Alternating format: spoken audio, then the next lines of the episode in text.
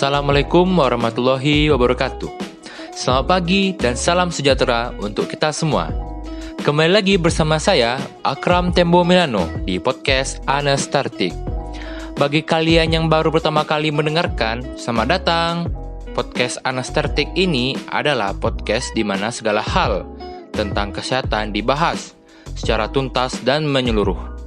Dan pada episode kali ini, kita akan membahas prosedur operasi yang dibagi menjadi tiga, yaitu pre, intra, dan pasca operatif. Pada kesempatan kali ini, kita kedatangan tamu spesial dari penata anestesi yang tersebar di seluruh Indonesia. Selamat pagi teman-teman, semuanya. Apa kabar? Alhamdulillah, Alhamdulillah baik. Sebelum kita memulai diskusi kita hari ini, mungkin boleh ya perkenalan terlebih dahulu. Silakan teman-teman penata anestesi. Nama saya Gugu David Kusworo. Nama saya Fathan Ahmad Mujadid. Nama saya Lutfi Patricia. Perkenalkan, nama saya Reskiansa Putri, biasa dipanggil Anis. Oke, sebelum ke pembahasan, saya akan menjelaskan terlebih dahulu. Anestesi itu sebenarnya apa sih? Mungkin para pendengar nih masih pada bingung atau masih ada yang belum tahu. Jadi, anestesi itu berasal dari kata an, yaitu tidak, dan estesi, yaitu rasa. Secara umum, berarti suatu tindakan menghilangkan rasa sakit ketika melakukan pembedahan dan berbagai prosedur lainnya yang menimbulkan rasa sakit pada tubuh.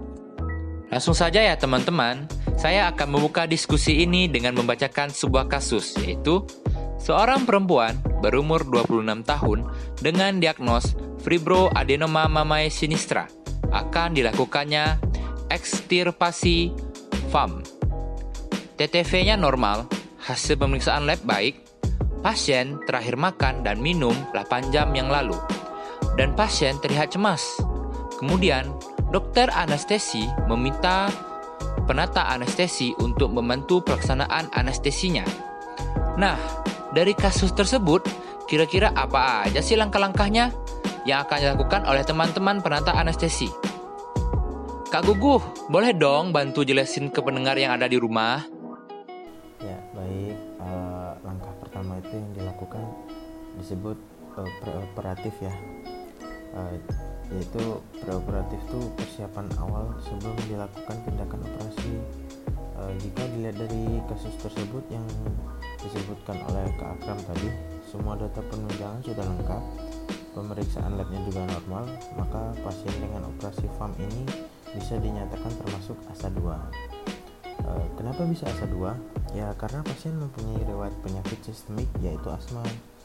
Eh, seperti yang sudah dikatakan sama Kak Akram tadi, pasien terlihat agak cemas, maka diberikan obat midazolam untuk jaga-jaga. Jika semisalnya pasien muntah, maka kita berikan obat ondansetron 4 mg atau 2 mg dan dexamethasone 5 mg atau 1 mg. Eh, untuk posisinya karena operasi ini di bagian atas atas depan ya eh, maka digunakan supine position untuk pembiusan kita lakukan anestesi untuk balance eh, tapi dikarenakan operasinya tidak lama maka alatnya kita gunakan LMA saja dan alat-alat yang lainnya Eh, jangan lupa juga untuk memeriksa mesinnya menyalakan atau dicoba terlebih dahulu lah sebelum digunakan mungkin segitu aja kak Akram Baik, untuk langkah selanjutnya, mungkin Kak Fatan bisa dong jelasin ke pendengar yang ada di rumah. Baik, Kak Kram. Jadi, untuk tahap kedua bisa disebut intraoperatif, yaitu suatu masa di mana pasien sudah berada di meja pembedahan sampai ruang pulih sadar. Nah, di tahap ini, pasien dibius dengan menggunakan obat-obatan anestesi. Untuk tindakannya, semua dilakukan dengan anestesi inhalasi. Maka, induksinya menggunakan intravena dengan obat sedasum 2 mg. Anestesinya menggunakan anestesi inhalasi dengan alatnya LMA karena durasinya tidak lama. Kemudian, pasien itu diposisikan tidur terlentang dan dipasang LMA dengan mempertahankan jalan napasnya. Lalu, diberikan inhalasi dengan kombinasi isofluran 2 liter dengan oksigen eh, 3 liter per menit. Mungkin segitu saja Kak Kram. Tadi kan sudah nih pria seperti apa dan intranya juga sudah dijelaskan. Nah, untuk langkah terakhirnya sendiri, bagaimana nih Kak Lutfi? Jadi, di langkah terakhir ini biasa disebut pasca operatif atau pasca bedah, yang di mana pada tahap ini pasien dipindahkan ke ruangan RR atau recovery room, lalu diobservasi selama satu jam, dan dilakukan pemantauan virtual sign seperti tekanan darah, nadi, suhu, dan respiratory rate yang dimonitoring setiap 30 menit. Oksigen tetap diberikan 2-3 liter per menit. Lalu, setelah pasien tersadar dan kondisi stabil, maka pasien dibawa ke ruang rawat inap. Oke, sudah dijelaskan ya sama teman-teman penata anestesi yang ada di sini. Mungkin kita lanjutkan saja diskusi ini ke kasus yang kedua. Saya bacakan ya kasusnya. Seorang perempuan berumur 22 tahun dengan berat badan 50 kg didiagnosa appendicitis kronis akan dilakukannya appendektomi dengan anestesi umum menggunakan intubasi ETT. Kesadaran kompos mentis, TTV normal. Pasien tidak ada riwayat asma. Pasien tampak cemas. Makan dan minum terakhir 6 jam yang lalu. Nah, kira-kira nih penata laksanaan anestesinya gimana nih, Kak Anis? Boleh dong dijelasin untuk para pendengar yang di rumah? Baik, saya bantu jawab ya. Kalau untuk playnya, kita sebagai penata anestesi harus melakukan informed consent, yaitu penyampaian informasi seperti persetujuan tindakan medis, melakukan pemeriksaan tanda-tanda vital dan keadaan umum pasien, memberikan arahan kepada pasien agar melakukan puasa lebih dari 6 jam dan melakukan pemasangan NGT. Kemudian kita melakukan oksigenasi sebanyak 2-3 liter per melakukan pengecekan obat dan alat-alat anestesi yang biasa kita sebut dengan statik. Untuk premedikasinya, kita biasanya menggunakan obat-obat seperti sulfat atrofin sebanyak 0,25 mg, petidin 5 mg, midazolam 5 mg yang diberikan secara intravena, sedangkan untuk induksinya menggunakan propofol sebanyak 120 mg secara intravena, sedangkan obat masker relaksan yang digunakan adalah succinylcholine 60 mg dan maintenance menggunakan N2U dan U2 dengan perbandingan 3 liter. Enfluran 1,2 volume. Kemudian dilakukan pemasangan infus RL. Pada operasi ini menggunakan general anestesi dengan teknik semi-close anestesi dengan ETT nomor 7,5. Untuk posisi yang digunakan adalah posisi supine dan pasien termasuk asa 1 karena tidak ada penyakit penyerta atau biasa dikatakan pasien ini termasuk pasien yang normal. Oke, untuk intra sama paskanya, boleh dong dijelasin sama Kak Lutfi dan Kak Guguh? Boleh sama saya, Kak Akram? Jadi, di intra itu kita melakukan premedikasi. Selanjutnya, pasang manset pada lengan sebelah kiri. Lakukan induksi, lalu kepala pasien diposisikan ekstensi. Setelah refleks bulu mata hilang, masukkan succinylcholine. Setelah pasien tenang, lakukan intubasi dan hubungkan dengan mesin anestesi untuk mengalirkan N2O dan O2 dengan perbandingan 3 banding 3 liter. Untuk maintenance, gunakan enfluran 1-2 volume persen. Dan selama operasi berlangsung, monitoring tanda-tanda vital, kedalaman anestesi, cairan, dan juga perdarahan. Setelah operasi selesai, matikan N2O dan enfluran.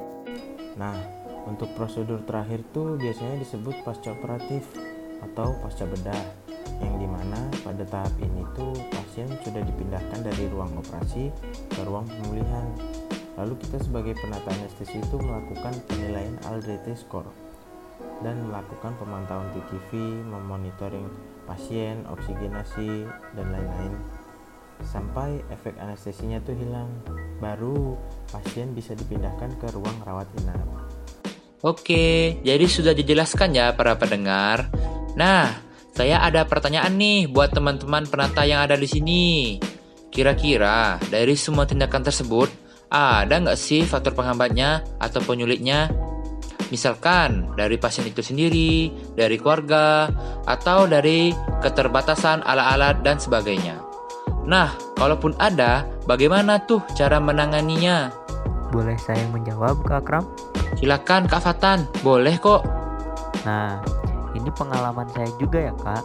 Sudah jelaskan di awal bahwa penyulitnya memang rata-rata dari pasiennya itu sendiri. Misalkan, pasien itu merasa cemas, gelisah, ataupun pasien takut untuk dibius karena tidak bisa bangun lagi.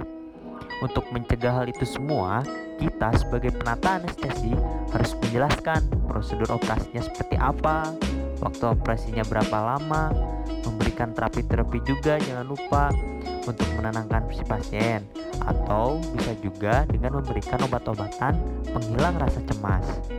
Izin menambahkan ya, kalau untuk penyulit dari keluarganya sih biasanya kekurangan biaya.